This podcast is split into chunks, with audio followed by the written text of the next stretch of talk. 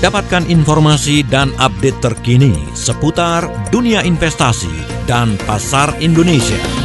Bersama Inspirator Investasi Indonesia, Ryan Filbert dalam Analisa Pasar Indonesia. Halo semuanya, smart listeners dan juga sahabat Sonora di mana pun Anda berada. Apa kabarnya Anda hari ini?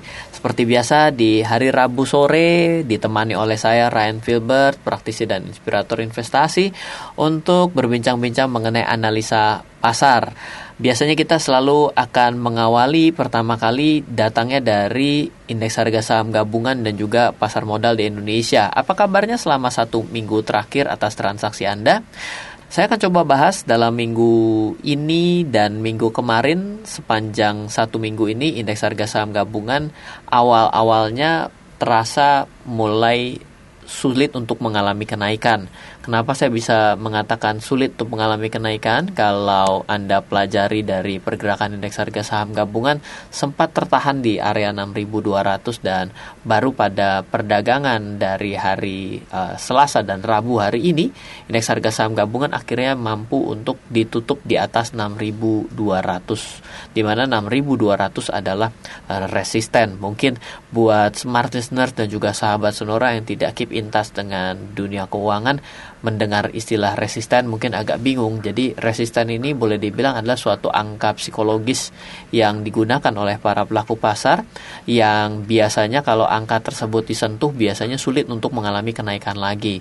Dan kalau dia sudah bisa melewati level tersebut, maka itu bisa bertanda di kemudian hari harganya akan naik lebih tinggi lagi. Misalnya kalau kita bilang oh harga emas itu eh, biasanya pasarannya di 650 ribu eh tiba-tiba sekarang sudah berada di 700 dan terus melaju ke 725 berarti ada keyakinan sejak ada di atas 650 ribu maka harganya akan cenderung mengalami kenaikan. Nah itu juga berlaku di indeks harga saham gabungan dan juga di harga-harga lainnya. Nah jadi kalau kita perhatikan sebenarnya uh, mungkin saya jadi sedikit memberikan hal yang positif ya uh, sampai dengan akhir tahun bahwa sebenarnya kalau dilihat dari kondisi hari ini indeks harga saham gabungan kemungkinan akan kembali naik dan ini tentunya uh, membuat bahagia banyak orang. Nah, meskipun ada Anda smart listeners dan juga sahabat sonora yang merasa dirinya tidak berhubungan dengan dunia saham bisa jadi ternyata memiliki unit link dalam bentuk equity yaitu dan juga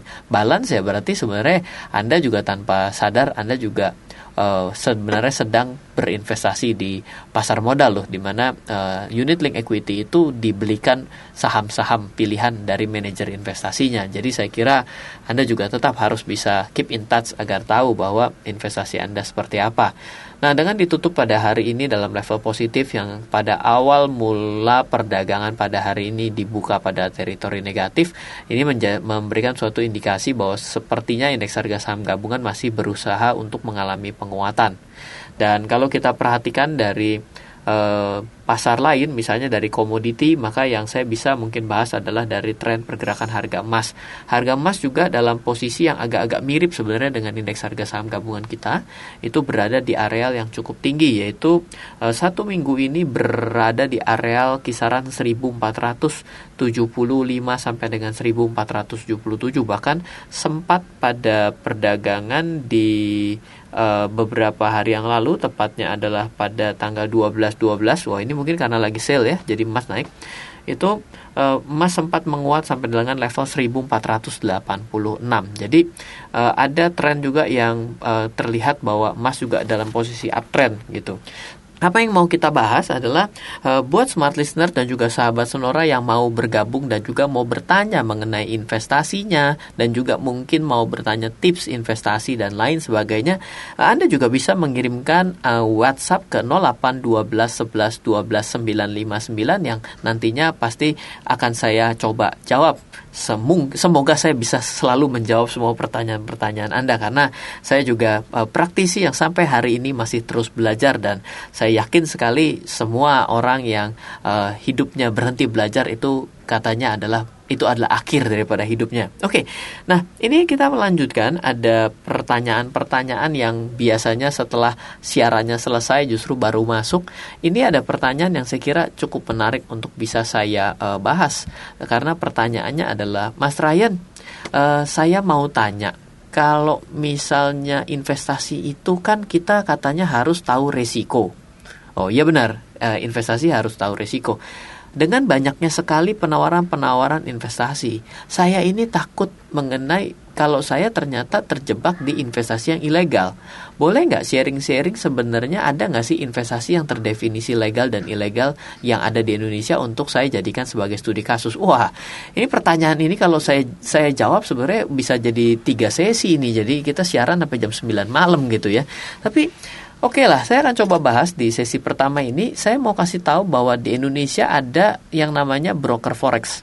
Itu antara legal dan ilegal. Nah, yang menjadi e, garis bawah dari saya adalah ketika dinyatakan sebagai broker forex ilegal, itu bukan artinya sebenarnya broker itu jadi e, apa ya namanya menipu gitu ya karena tidak selalu seperti itu. Nah kita harus tahu bahwa yang melakukan regulasi dan pengawasan terhadap forex berbeda dengan saham. Kalau forex itu diawasi oleh Bapepti, jadi bukan uh, dari bursa berjangka, bukan dari bursa efek Indonesia. Nah ketika Bapepti itu juga uh, ada ada broker-broker yang buka yang berizin dari Bapepti itu beroperasi di wilayah Indonesia dan memiliki izin pembukaan uh, perusahaannya di Indonesia, maka itu adalah definisi sebagai broker legal di Indonesia. Jadi, broker ilegal adalah broker-broker yang tidak memiliki izin dari Bapepti tapi beroperasi di tanah Indonesia, maka broker forex itu dinyatakan sebagai broker ilegal.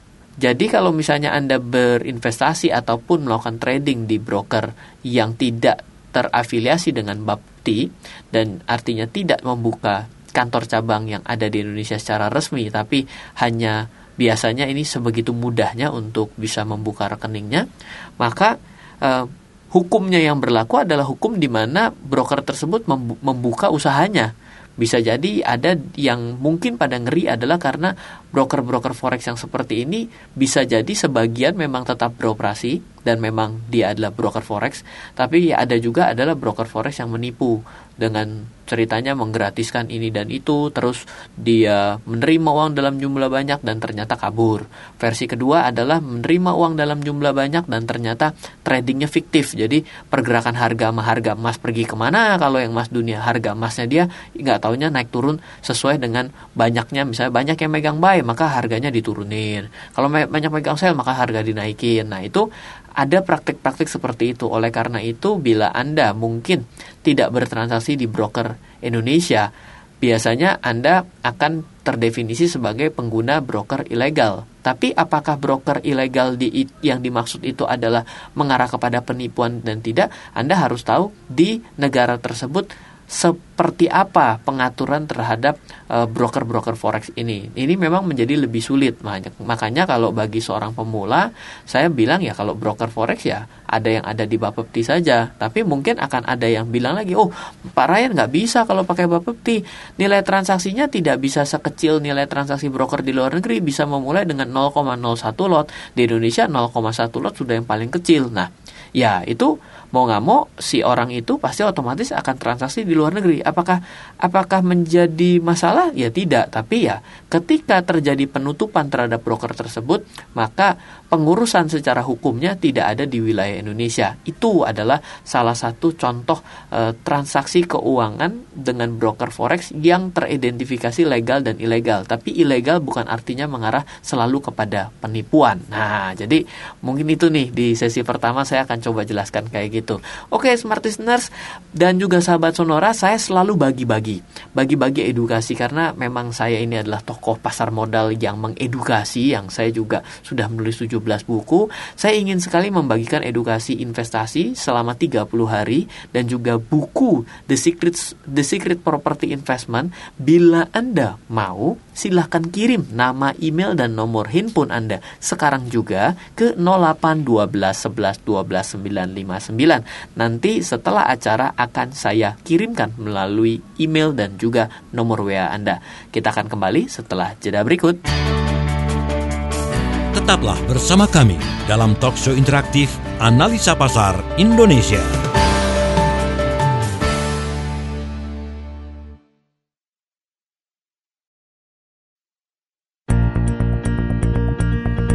Kembali Anda ikuti talk show interaktif bersama Ryan Filbert dalam Analisa Pasar Indonesia.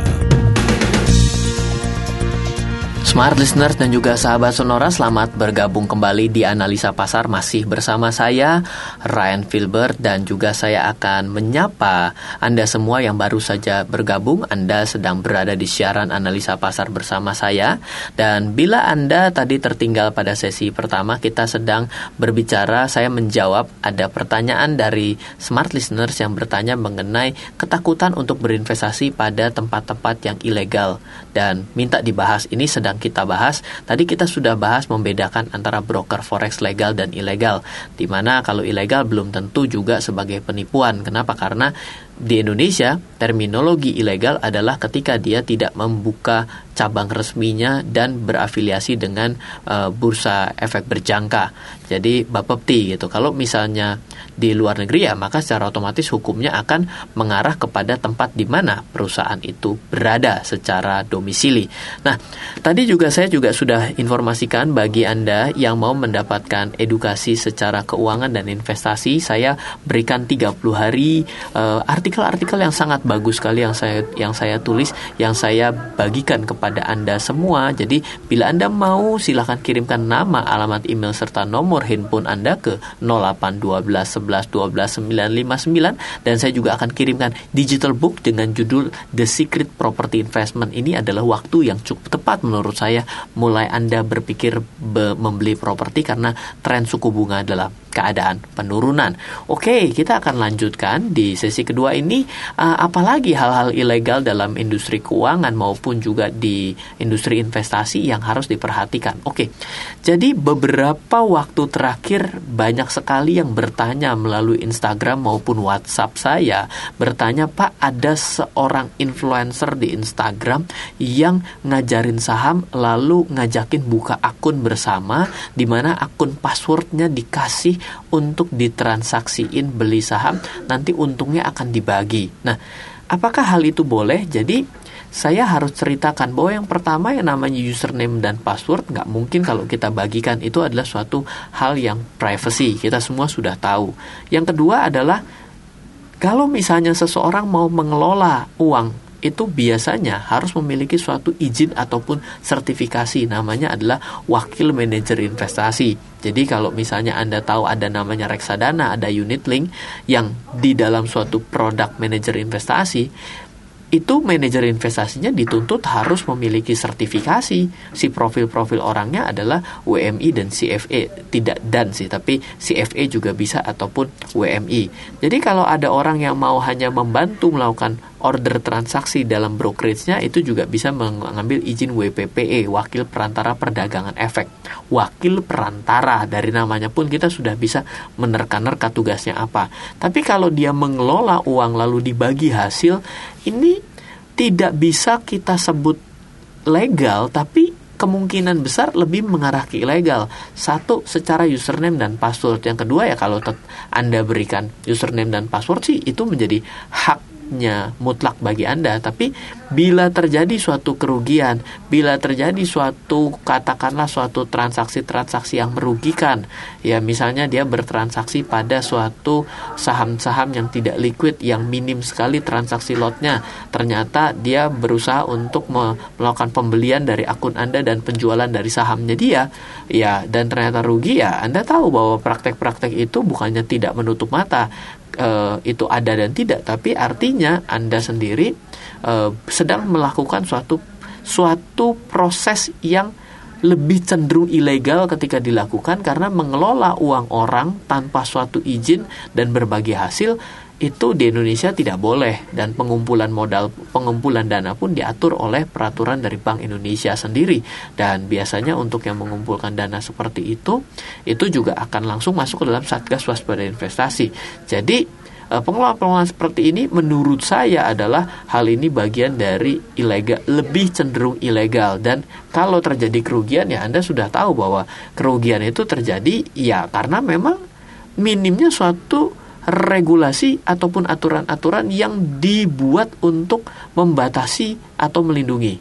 Orang sudah dibatasi dan dilindungi aja masih terjadi banyak penyimpangan kok gitu ya. Jadi ini bagian yang kedua ini saya mau ceritakan bahwa mengelola uang orang tanpa suatu izin tertentu dan badan tertentu maka itu kemungkinan besar adalah ilegal dan rawan untuk Anda sebagai investor dirugikan.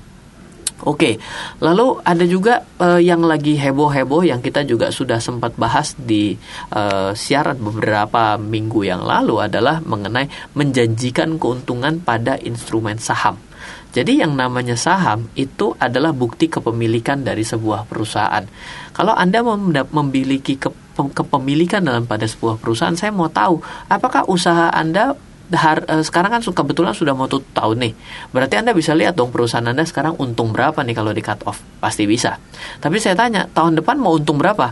Anda juga paling cuma bisa oh rencananya kita akan lakukan ini ini ini ini sehingga pendapatan kita akan tambah sekian sehingga oh, akan kemungkinan akan mendapatkan laba sekian. Tapi saya tanya, pasti nggak?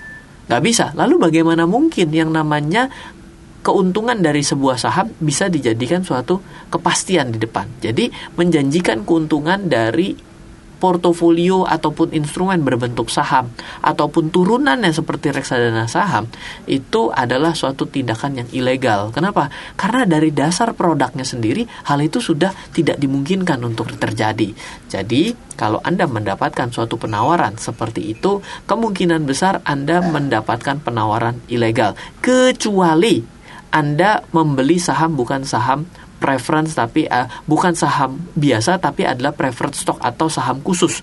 Kalau saham khusus itu adalah saham-saham yang memiliki uh, apa ya namanya ya, memiliki suatu keunggulan tersendiri karena bisa jadi memberikan suatu dividen dengan besaran yang pasti sekian atau berapa Anda akan mendapatkan uh, privilege tertentu. Itu adalah saham khusus yang memang dimungkinkan. Tapi kalau saham biasa reksadana saham membelikan saham biasa sehingga Anda bisa mendapatkan janji-janji tertentu saya rasa kayaknya hal itu kemungkinan besar mengarah ke hal ilegal dan kemungkinan besar bisa merugikan Anda.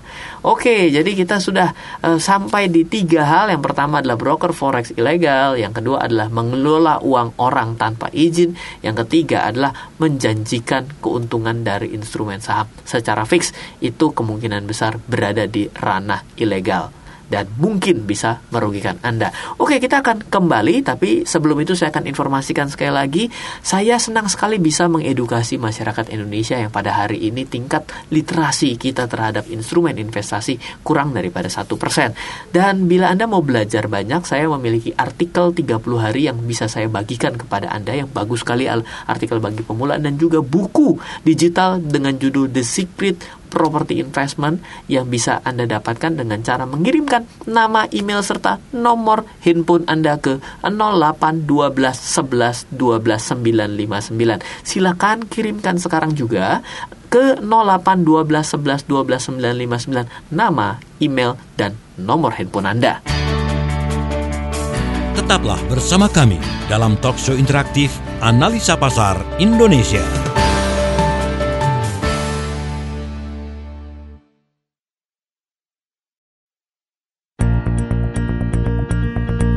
Kembali Anda ikuti talk show interaktif bersama Ryan Filbert dalam Analisa Pasar Indonesia. Selamat bergabung kembali untuk Smart Listener dan juga sahabat Sonora pada analisa pasar di sesi ketiga masih bersama saya Ryan Filbert. Di sesi pertama dan sesi kedua kita sedang seru sekali membicarakan mengenai hal-hal ilegal apa yang ada di industri keuangan dan instrumen investasi yang mungkin bisa membuat Anda kehilangan uang Anda ketika Anda menginvestasikan uangnya. Nah, sebelum kita akan lanjutkan, saya akan informasikan sekali lagi saya bagi-bagi seperti biasa memberikan yang namanya uh, 30 hari artikel 30 hari untuk Anda memulai belajar investasi dan juga ada satu digital book yang mau saya bagikan judulnya adalah The Secret Property Investment. Ini adalah suatu tema yang sangat tepat. Kenapa? Karena pada saat ini suku bunga bank sedang mengalami penurunan dan saya kira akan ada banyak orang yang hari ini berpikir untuk bisa memiliki uh, properti karena bunga turun artinya ya pinjaman akan turun. Ya, oke, kita akan lanjutkan. Tadi kita sudah membahas tiga hal yang uh, bisa merugikan Anda. Yang pertama adalah broker forex legal dan ilegal. Yang kedua adalah praktek mengelola uang orang tanpa suatu izin sertifikasi ataupun perusahaan yang bisa mengelola uang. Yang ketiga adalah menjanjikan keuntungan pada instrumen yang fluktuatif seperti saham. Itu tidak diperbolehkan karena itu uh, teridentifikasi sebagai ilegal secara peraturan dan juga berpotensi untuk merugikan kita uh, secara uh, hasil investasi yang kita tanamkan. Oke, nah bagian yang sekarang di sesi ketiga saya akan cerita adalah banyak sekali setiap hari kita dapat uh, broadcast kalau Anda sudah mulai berdekatan dengan industri keuangan dan investasi akan ada banyak sekali broadcast-broadcast mengenai rumor bahwa ada saham ini akan naik, saham itu akan naik, saham itu akan digoreng naik dan ini pokoknya informasi-informasi yang katanya informasi dari orang dalam dan lain sebagainya yang tidak tahu itu broadcastan dari mana maka hal itu sebenarnya bukan bisa disebut ilegal dan tidak tapi secara peraturan bahwa tidak diperbolehkan adanya insider trading ataupun insider information yang menyebabkan pasar tidak terjadi suatu pasar persaingan sempurna secara beli dan jual. Meskipun sampai hari ini ketika kita bilang tidak ada suatu pasar yang benar-benar sempurna, ya saya juga setuju karena saya juga belajar ekonomi makro dan mikro. Hal itu kita bisa kita bisa dapatkan uh, suatu pendapat itu bahwa benar bahwa kesempurnaan itu ya tidak ada suatu hal yang benar-benar sempurna. Namun ketika Anda mendapatkan informasi-informasi seperti itu yang tidak bisa dipertanggungjawabkan dan Anda ikuti, ya secara otomatis kemungkinan Anda kalau tidak mengerti pola permainannya ataupun saham-saham yang dimainkan tanda kutip dimainkan itu, Anda adalah akan menjadi korbannya. Saya baru saja merilis salah satu vlog karena saya secara reguler membuat vlog di YouTube channel saya di Ryan Filbert. Is lumayan. Boleh uh, promo channel YouTube ya saya di minggu lalu itu saya membahas mengenai uh, ada suatu pendapat bahwa saham-saham initial public offering atau penawaran perdana itu cenderung mengalami kenaikan. Dan ternyata setelah saya olah data dari tahun 2017 sampai 2019, tepatnya adalah minggu lalu di bulan Desember gitu ya, yang saya dapatkan adalah tidak tidak banyak saham yang mampu bertahan tetap positif dari dua tahun saham-saham IPO yang lebih daripada 100. Jadi bayangkan tahun ini sudah 50-an, tahun kemarin 50-an, sebelumnya lagi ada 30-an, artinya sudah hampir 130 dan yang mampu bertahan dalam kinerja yang positif artinya dalam dalam dua tahun terakhir mengalami kenaikan. Itu benar-benar jari saya pun yang 10 ini tidak sampai 10 jangan-jangan. Jadi ah, pendapat-pendapat seperti itu adalah informasi bahwa ada saham yang mau diangkat itu adalah suatu hal yang sebenarnya terlarang. Kalau itu benar-benar bisa di cross check orangnya maka sebenarnya itu langsung terkena uh, insider trading dan insider trading itu hukumannya juga ada diatur dalam uh, perundang-undangan pasar modal kita. Jadi hal itu kalau Anda ikuti ya jelas. Berarti itu adalah lebih mengarah kepada ilegal. Dan kalau Anda ikuti dan ternyata Anda rugi ya siapa yang mau tanggung jawab? Saya juga bingung karena ya udah ilegal diikutin. Ya kalau rugi ya sudahlah kan jadi gitu ya. Jadi um, bagi orang-orang pemula kadang-kadang terlalu banyak dengerin rekomendasi. Akhirnya juga bingung sendiri. Rekomendasi di tempat A dibeli rekomendasi di tempat B dijual. Sahamnya sama lah terus bagaimana? Masa mau dibeli habis itu dijual atau dijual terus dibeli? Memang kita perlu memiliki suatu pola bertarung sendiri. Harus belajar kadang banyak orang yang bilang bahwa belajar itu susah. Iya betul, karena kita tidak pernah memulai, maka kita akan kesusahan dalam belajar. Sama era hari ini era fintech era IT. Saya belajar itu zaman dulu itu cuma HTML, terakhir cuma JavaScript. JavaScript juga sepintas lalu cuma tinggal copy paste. Tapi karena hari ini saya berada di industri fintech, saya juga banyak sekali mengkonsultanin perusahaan-perusahaan berbasis fintech. Kita harus mengerti akan aturannya dan kita juga harus mengerti setidaknya bahasa pemrogramannya. Ya kenapa? Fintech finansial dan teknologi. Ya keduanya ini seenggaknya kita harus menjadi konsultan yang benar, jangan jadi hanya sebagai komentator sepak bola yang kita tidak memahami. Saya belajar dengan susah payah sampai hari ini masih bingung, tapi kita harus bisa memulai belajar agar kita bisa pada akhirnya secara mandiri. Bukan menjadi ahli loh, tapi menjadi mandiri. Kenapa? Karena itu adalah suatu modal dasar ketika Anda menjadi seorang investor yang akhirnya investor yang survive itu adalah investor yang memiliki pendirian. Pendirian itu harus punya dasar ilmu. Dasar ilmu itulah yang membuat Anda selamat dari hal-hal yang merugikan. Oke, jadi sampai dengan sesi ketiga ini kita sudah membahas empat broker, forex legal dan ilegal, mengelola uang orang dengan berbagi hasil, berbagi keuntungan dengan dibagi pasurnya itu adalah suatu tindakan yang terlarang. Lebih mengarah ke ilegal. Ketiga adalah ada saham yang reksadana saham ataupun saham yang menjanjikan keuntungan-keuntungan misalnya fix 8%, fix 9%, fix 10% per tahun itu juga ilegal karena bagaimana mungkin sesuatu yang naik dan turun dijanjikan suatu return yang pasti. Kecuali tadi saya sudah bilang sahamnya adalah saham khusus atau preferred stock. Beda itu ceritanya. Nah, yang keempat yang kita sudah bahas di sesi kali ini adalah berbicara mengenai informasi-informasi broadcastan yang hari ini banyak sekali yang datang secara sebagai rekomendasi saham, rekomendasi investasi. Please hati-hati kalau Anda tidak mengerti berarti Anda bisa jadi terjebak sebagai korbannya. Oke, kita akan kembali di sesi terakhir. Ya udah mau habis lagi ya, cepet banget. Nah, jadi bila Anda yang belum mengirimkan nama, email, nomor handphone, saya membagikan dua hal. Yang pertama saya kasih 30 hari artikel belajar investasi dari saya untuk pemula. Yang kedua adalah buku The Secret Property Investment. Silahkan kirimkan nama, email, dan nomor handphone Anda ke 0812 11 12 959. Kita akan kembali di sesi terakhir setelah jeda berikut.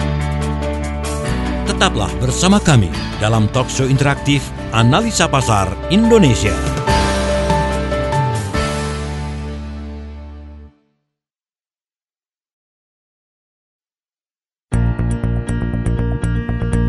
Kembali Anda ikuti talkshow interaktif bersama Ryan Filbert dalam Analisa Pasar Indonesia. Smart listeners dan juga sahabat Sonora kita sudah sampai di analisa pasar pada hari Rabu ini di sesi terakhir. Wah, cepat sekali ya. Ya mungkin memang menjadi usulan nanti kita bikin dengan lebih panjang gitu kalau ternyata smart listeners merasa bahwa apa yang saya bagikan menjadi suatu hal yang sangat bermanfaat. Oke, kita sepanjang analisa pasar di sore hari ini kita sudah banyak membahas mengenai investasi ataupun penawaran-penawaran uh, di industri keuangan yang mungkin uh, terbisa saya sharing teridentifikasi sebagai ilegal yang mungkin bisa merugikan menghilangkan uang Anda. Jadi tadi kita sudah di sesi pertama kita sempat membahas mengenai broker forex legal dan ilegal dan juga selanjutnya kita membahas mengelola, mengelola uang orang dan juga ada juga uh, menjanjikan keuntungan pada saham secara fix. Lalu ada juga yang tadi di sesi sebelumnya kita membahas bahwa rumor dan informasi orang dalam itu juga suatu hal yang terlarang. Jadi uh, bila Anda uh, sudah mengikuti dari awal, ya itu adalah suatu hal-hal yang perlu Anda uh, perhatikan. Nah, nah, tapi kalau misalnya nanti smart listener dan juga sahabat Sonora yang tertinggal, silahkan Anda kirimkan nama, email, email dan nomor handphone. Saya akan kirimkan rekapan daripada talk show di sore hari ini dan juga saya akan kirimkan buku digital dengan judul The Secret Property Investment dan juga yang satu lagi adalah saya akan kirimkan artikel 30 hari belajar investasi bagi pemula. Kirimkan nama, email dan nomor handphone Anda ke 0812 11 12 959. Oke, kita akan lanjutkan di sesi kali ini apa yang akan saya ceritakan? Akan saya ceritakan begini. Smart listener dan juga sahabat sonora, apakah Anda tahu bahwa era semenjak tahun 2008 ada yang namanya cryptocurrency? Cryptocurrency yang paling terkenal adalah namanya Bitcoin.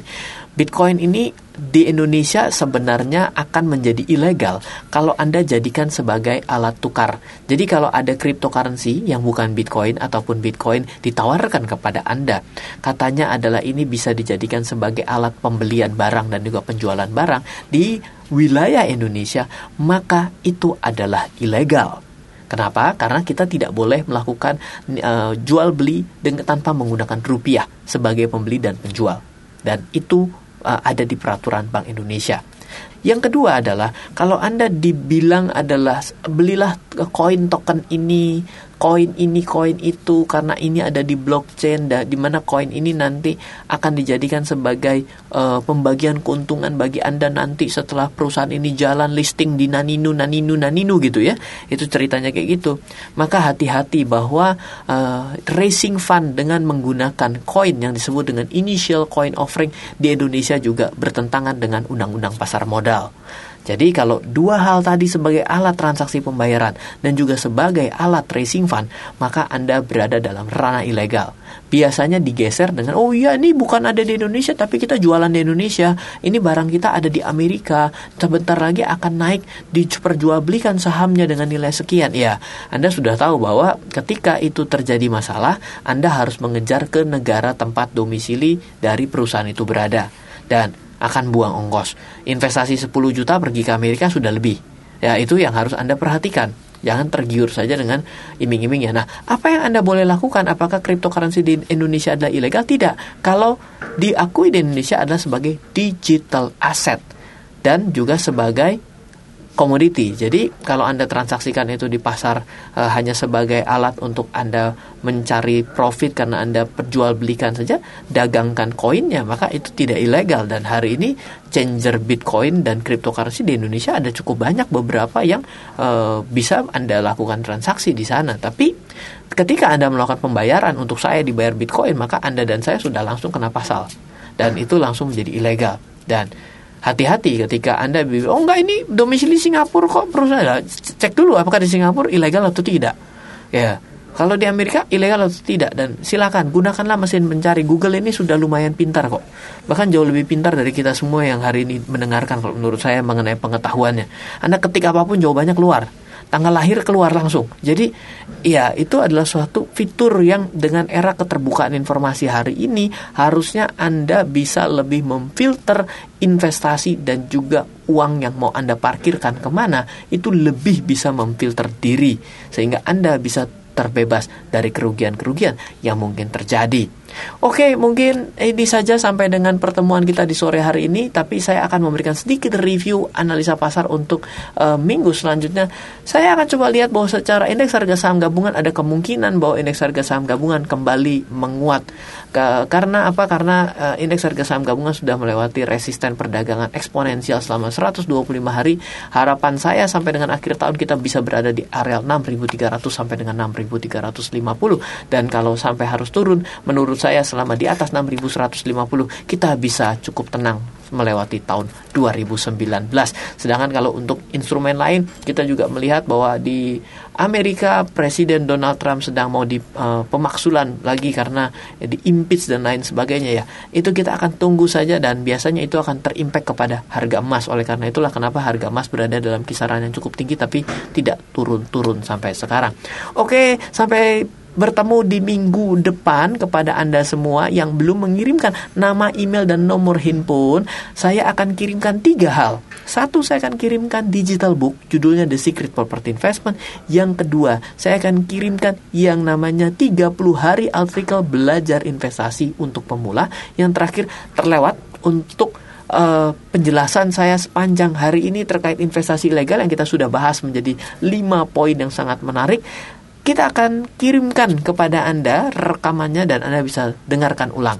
Oke, sampai di sini dulu dari saya Ryan Filbert. Salam investasi untuk Indonesia. Baru saja Anda simak ulasan mengenai pasar Indonesia dan berbagai peluang di dalamnya dalam talk show Analisa Pasar Indonesia bersama inspirator investasi Indonesia Ryan Filbert. Sukses untuk bisnis Anda. Terima kasih dan sampai jumpa.